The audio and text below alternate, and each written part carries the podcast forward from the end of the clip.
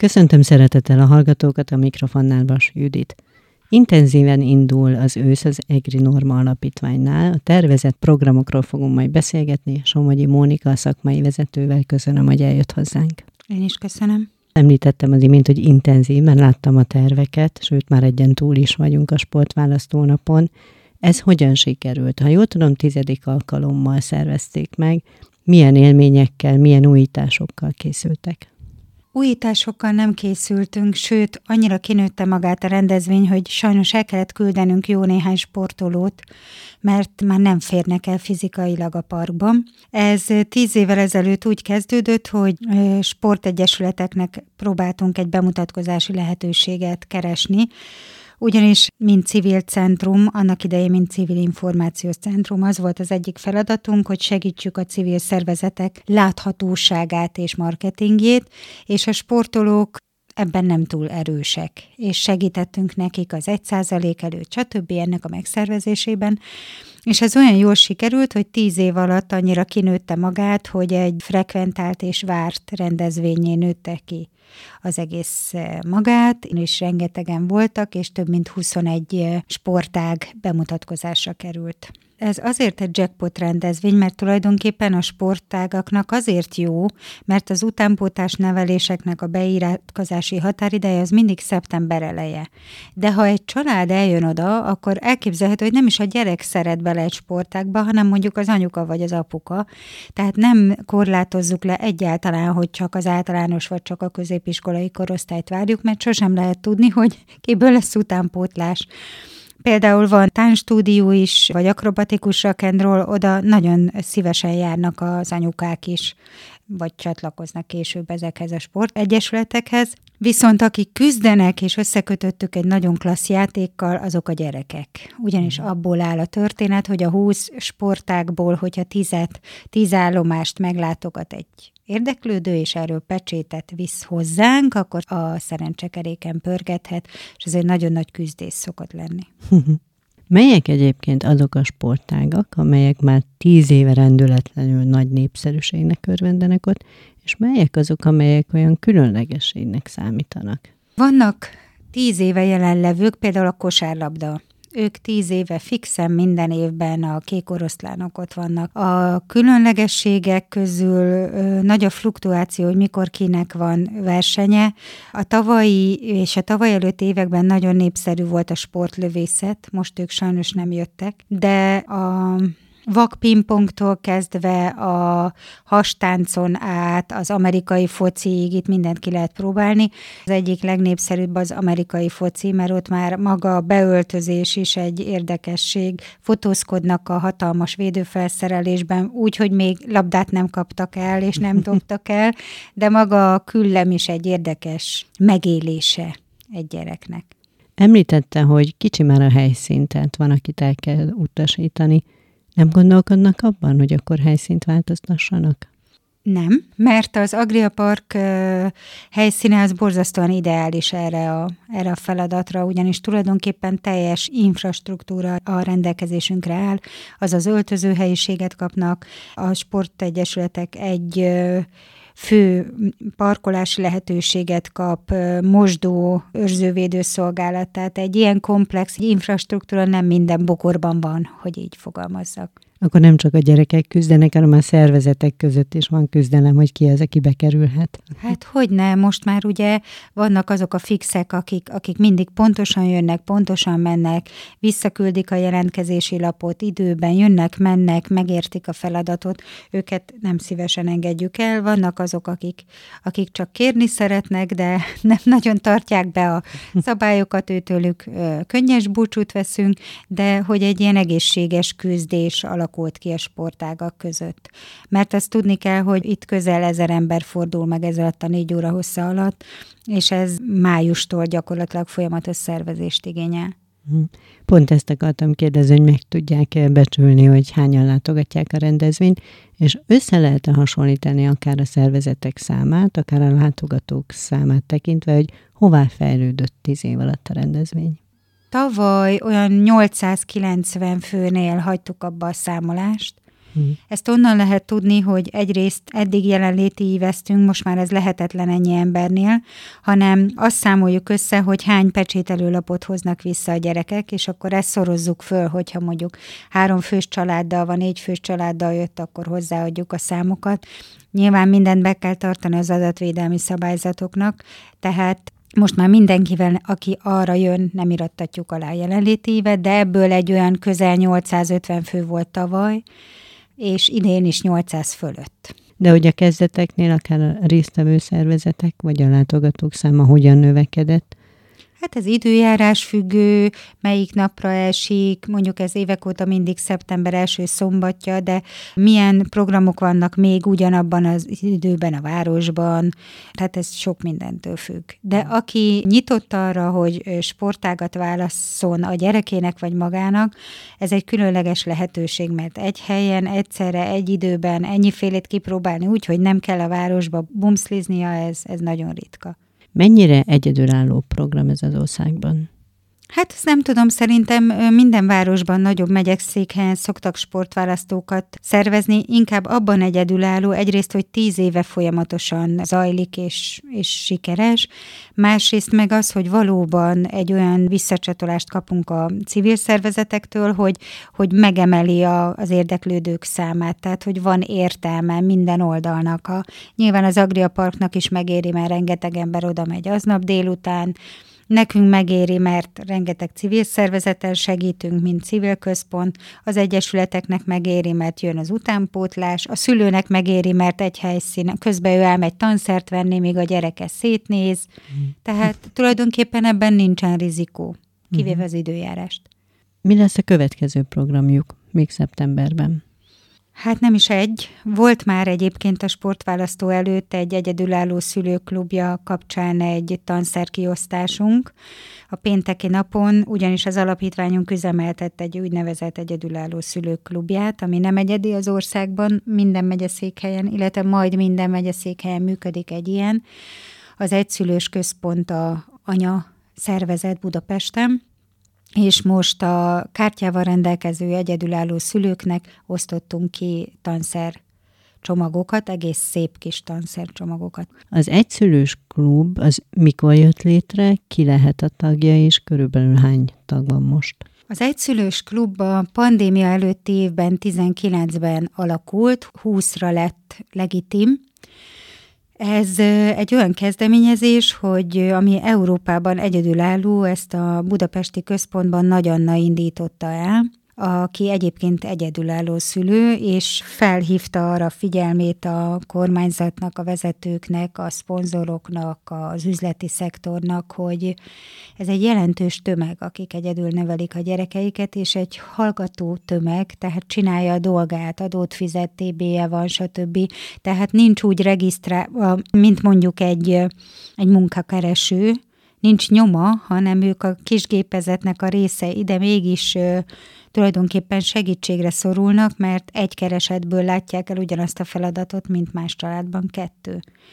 És ezt olyan jól csinálta az Anna, hogy azóta már megnyitottak egy budai központot is, és hogy ne legyen lufi fejű az intézet, ezért hozott létre minden megyében egy ilyen megyei lábat, és mi, mint Egri Norma Alapítvány, aki a szociális területtel rendelkező alapfeladattal bírunk, így rárepültünk erre a lehetőségre, Egyrészt én is érintett voltam akkor, és egy kicsit lojális és empatikus voltam ezzel a réteggel, és becsatlakoztunk, és létrehoztunk egy olyan klubfoglalkozást, amit azonnal be is kellett zárnunk a pandémia alatt, de azóta is folyamatosan vannak bejáró egyszülős anyukák, akik vagy ott hagyja a gyerekét, vagy korepetálni adja ott, vagy, vagy egyszerűen csak bejön egy kicsit kiöntani a lelkét, stb. Tehát ez a klub, ez egy rendszeres alkalommal működő klub, tehát ott találkoznak a szülők, és megbeszélhetik nyilván kinek mi az éppen aktuális problémája, gondja, tanácsokat kérhetnek. Tehát... Igen, ideálisan ez így működik, vannak külső segítőink, mert ugye ez egy próbónó módon működő dolog, tehát ez azt jelenti, hogy szívszerelemből segít ebben mindenki, van egy jogi tanácsadónk, egy pszichiáterünk, Miskolci pszichiáter, vagy klinikai szakpszichológus legteljesebben, akik a pandémia alatt online, illetve igény szerint személyesen is segítenek az anyukáknak, de ez így szépen hangzik, de tulajdonképpen azt tapasztalom, mióta fölnyitották a pandémia után a vasfüggönyt, és már lehet járni mindenhová, hogy aki egyedül neveli a gyerekét, az mindenre ráér, csak nem egy két-három órás csacsogásra. Uh-huh. Ugyanis általában van egy főállás, egy mellékállás, meg még vagy kettő besegítés itt-ott, mert különben nem tudja eltartani a családot. Tehát hiába vannak a klubfoglalkozások, ha nagyon nehezen tudnak eljönni. Inkább ezek a jó segítségek nekik, mint például ez a tanszercsomag, vagy az Erzsébet táborok, nyaralás lehetőség. Figyelni kell az egyedülálló szülőklubja oldalt, illetve az egyszülős klubnak a, a weboldalát, és akit érint a dolog, az regisztráljon, igényeljen évi 500 forint egy egyszülős kártya, tehát ez, ez kifizethető, és számos előnye van. Apukák is tagjai a klubnak? Persze, van egyedülálló apukán kettő is. Nézzük a másik programot, a véradást. Ez miért fontos önöknek, hogy véradást szervezzenek?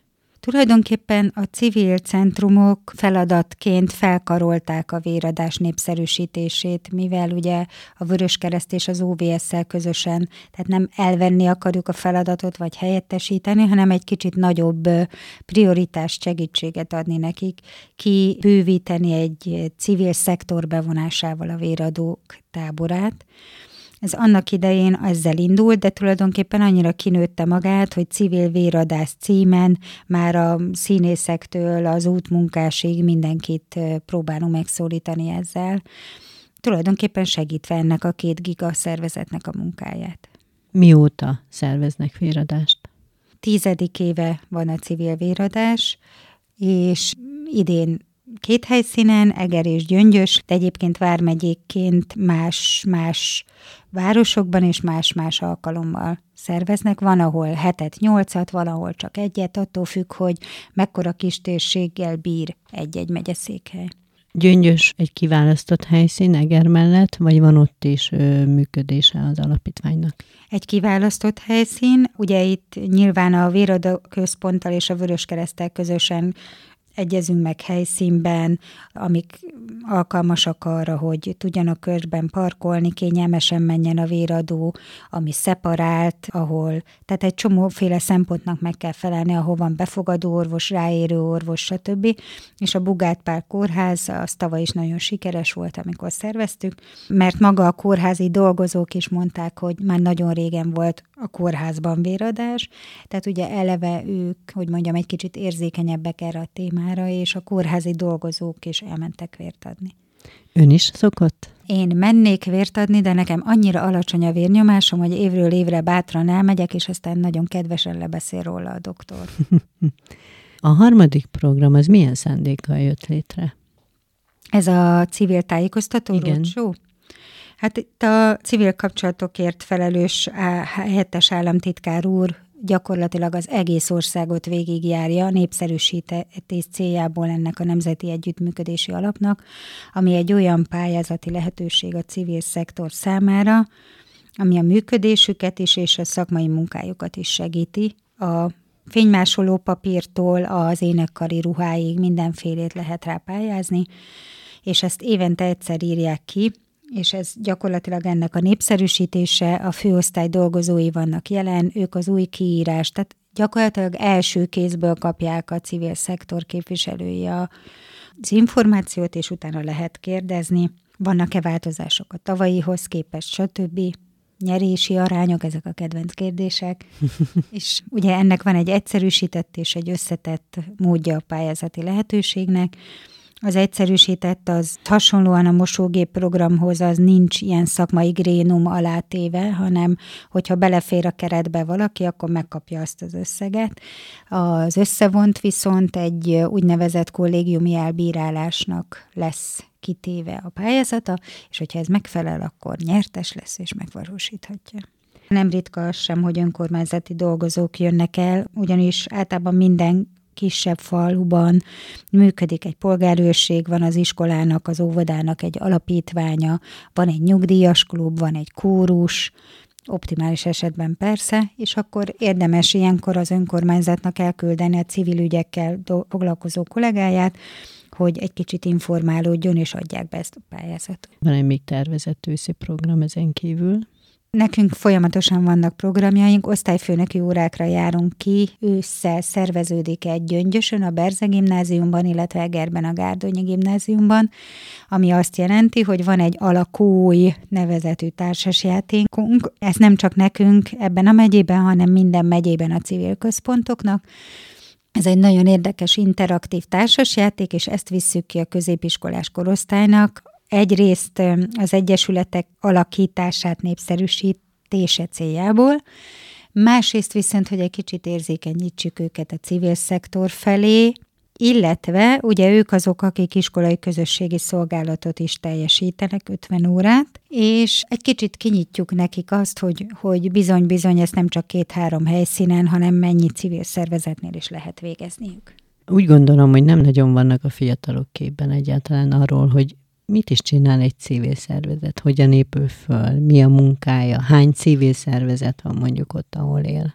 Abszolút nem, ez egy nagyon nagy, hát mondhatni probléma, de igazából ez az életrendje, ha egy kicsit az, az ember végignézi a saját életvonalát, akkor 20-30-as éves korában nem azzal foglalkozik, hogy a társadalom hasznos tagja váljon, hanem családot alapít, lakást, autót vesz, tehát a saját kis fészkét próbálja megépíteni, és ez így is van jól, Viszont utána, amikor már megteheti, hogy egyéb módon is társadalmi hasznot hozzon, hogy ezzel a csúnya szóval éljek, akkor bizony nem árt, hogyha tudja, hogy mi az Egyesület alapítvány közötti különbség, hogy tud segíteni, hogy tud csatlakozni, nem muszáj egy újat létrehozni, hanem egy meglévőhöz csatlakozni. Általában az a tapasztalat, hogy akkor lesznek aktívak, hogyha a családban mondjuk lesz egy daganatos beteg vagy egy fogyatékos gyerek születik a családban, vagy a kutyájuk elvész. Most csak ilyen sztereotíp példákat hozok, de általában ekkor kezd, kezd egy kis világosság, hogy elkezdenek nézelődni, utána nézni, hogy mi van, hogy ki, ki foglalkozik ezzel, hon, ki fog nekem ebben segíteni. Ja, hogy van egy állatvédő alapítvány itt, aki megnézi az összes kipakolt kutyát, és összeszedi a megyében. Ja, őket föl lehet hívni meg mhm. mondjuk a kenelbe lehet segíteni, vagy vinni áll, állateledelt, vagy sétáltatni a kutyákat. Tehát összességében véve onnantól, hogy érintett lesz valaki valamilyen területen, akkor kezd el foglalkozni vele. Egerben hány civil szervezet működik? Egerben pontosan nem tudom, de a megyében az két és három ezer között van bejegyzett civil szervezet, tehát nagyon sok működik. Egerben is nagyon aktív a civil élet. A, az előregedés sajnos itt is jellemző, viszont a sportválasztóból okulva vagy látva, sportválasztót látva a legtöbb civil, fiatal civil szervezeti tag az a sportban található meg. Tehát mm. van remény. Egyébként milyen nehézségekkel kell most megküzdeniük a civil szervezeteknek? Hát ugye én tíz éve végzem ezt a munkát, tíz éve tulajdonképpen permanensen a forrás hiányra szoktak a legtöbbször hivatkozni, mert ugye a civil szektor az azt jelenti, hogy non-profit szektor, tehát nem profitorientált. Neki kell előteremtenie a forrását arra, hogy villanyszámlát tudjon kifizetni. Ehhez viszont folyamatos és rutinos pályázásra, pályázati rutinra van szükség, egy százalék gyűjtésre, ahhoz megfelelő marketingre, kapcsolati tőkére, ahol vállalkozókkal és nagyobb cégekkel tud kapcsolatot teremteni. Tehát tulajdonképpen hivatalosan és hivatásos civilnek lenni az egy borzasztó összetett kompetenciát igénylő dolog. Mert nem csak egy üzleti élethez kell érteni, nem csak a jogi dolgokhoz, a napra késznek kell lenni a informatikai fejlesztésekben azokat tekintve, hogy ugye különböző informatikai rendszereken belül kell leadni a pályázatokat, azt tudni kell kezelni, melyiket, melyik böngészőből kell megnyitni, hogy kell felcsatolni, stb. Meg a marketinghez is kellene Abszolút. Érteni. A bírósághoz, az ánykán keresztül, ezen a nyomtatványkezelő programon keresztül lehet kommunikálni a bírósághoz. Tehát olyan kompetenciákkal kell bírni, amik, hogy mondjam, egy lesajnált szektornál, hogyha így, ah, persze, hát ő csak egy civil szervezetnél dolgozik. Úgy érzi, hogy ez az általános felfogás? Vannak olyanok, akik igen, így, uh-huh. így gondolják. Vagy azt gondolják, hogy ebből nem lehet megélni, hogy valaki egy alapítványnál dolgozik. Nem is azt mondtam, hogy ez multinacionális céges fizetéssel jár, de egyrészt ami a hátránya, másrészt az az előnye, a rugalmasság, a nagyon sok emberrel való kapcsolat felvétel és teremtés, rugalmas munkaidő, nyitottság, tehát eh, amit veszít az ember a réven, azt nyeri a vámom. Nekünk van egy általános nyitvatartásunk az irodában, ahol bármikor bárki bejöhet. Mondjuk legjobb, hogyha időpontot egyeztet, hogy ne torlódjanak a, az ügyfelek, és akkor az elmondottakon túl bármilyen apró cseprő civil szektort érintő feladatkörben tudunk segíteni, van egy könyvelő adótanácsadó, egy jogi közhasznúsági tanácsadó és egy pályázati tanácsadó munkatársunk, tehát hogyha a mi kompetenciánkon túl mutat a kérdéskör, akkor ezt a három tanácsadót hívjuk segítségül. Ez mind a három tanácsadó ingyen bérmentve segít a civil szervezeteknek, tehát érdemes minket fölkeresni. Hatalmas adminisztrációval is jár egy civil szervezetnek a működése, a folyamatos hivatalos működése. Ez szokta elrettenteni a tagokat, és általában akkor amikor egy új egyesület alapul, és akkor megvan a tíz tag, és mindenki marha lelkes, akkor egy év után már egy-két ember marad a fedélzeten. A többiek azok hát úgy, úgy, ott vannak, a, ott vannak a, az alapítástól, de úgy, ha lehet, akkor kihúzzák magukat. És akkor az a két ember meg egy idővel belefárad és fásul abba, hogy mindent ő csinál. Mhm. És ekkor jönnek önök. Hát igen, általában hozzánk az utolsó pillanatokban szoktak jönni, de nagyon-nagyon színes ügyfélkör jár be hozzánk, és nagyon érdekes panaszokkal, tehát a megszüntetéstől kezdve volt olyan, hogy a Galambász Egyesületnek nem jöttek vissza a galambjai, akkor fölhívnak bennünket úgy, hogy kóvályog valamelyik sínpályán egy beteg őzike, mit tudunk ebben segíteni, tehát nagyon furcsa telefonokat is kapunk, de nyilván ilyenkor akkor utána néz az ember, vagy megadja az állatmentőknek a számát, és akkor összeköti a telefonálót a segítségnyújtóval. Volt egy nagyon nemes vállalásuk is. Ha jól emlékszem, az első világháborús egri hősöknek állítottak emléket itt a Degerpataknál. Ennek milyen visszhangja van?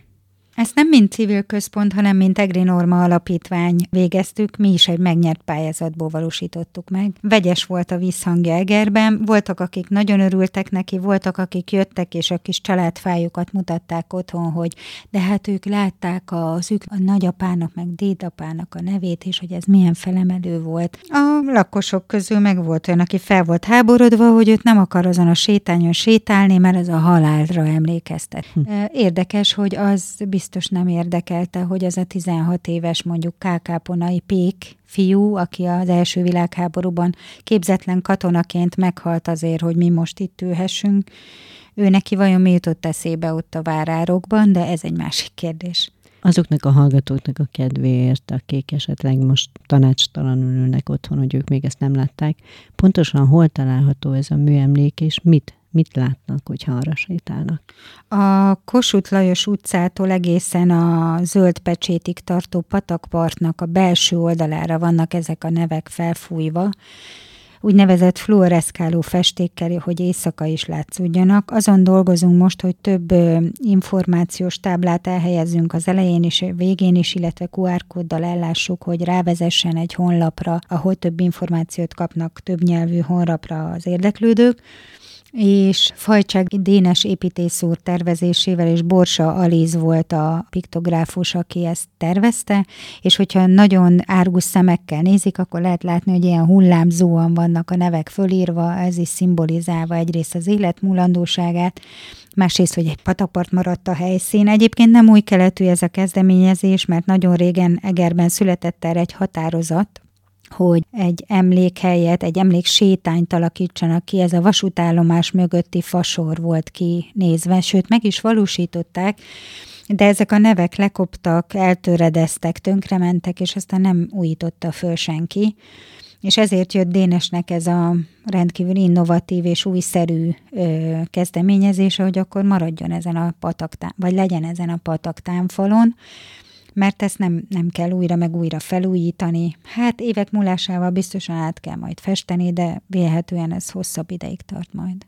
A mi nevünkhöz köthető még két kezdeményezés, ami városi. Az egyik a katonatéren lévő adománydoboznak a felállítása, ami a piac téren van, amit hú, az is vagy hat évvel ezelőtt állítottuk fel, pontosan nem tudom mikor, olyan kezdeményezéssel, hogy, hogy ne kelljen ahhoz mindenféle hivatalos iratot vinni valakinek, hogy mondjuk egy csomag kiflihez, vagy egy liszthez, vagy egy cukorhoz jusson, hanem jó szándékú ember beletesz, és rászoruló ember meg kivesz ebből a dobozból. A másik projekt, hogy arra hívtuk fel a civil szervezetek, vagy magánemberek figyelmét is, hogy fogadjon örökbe Egerben egy padot, egy kültéri padot, ezt mi a színház előtti buszmegállóban lévő padot fogadtuk örökbe, mint Egri Norma alapítvány, az azt jelenti, hogy körülbelül hat éve, olyan két-három évente a mi befolyt százalékunkat arra fordítjuk, hogy rendbeszedjük ezt a padot, úgynevezett dekupás technikával.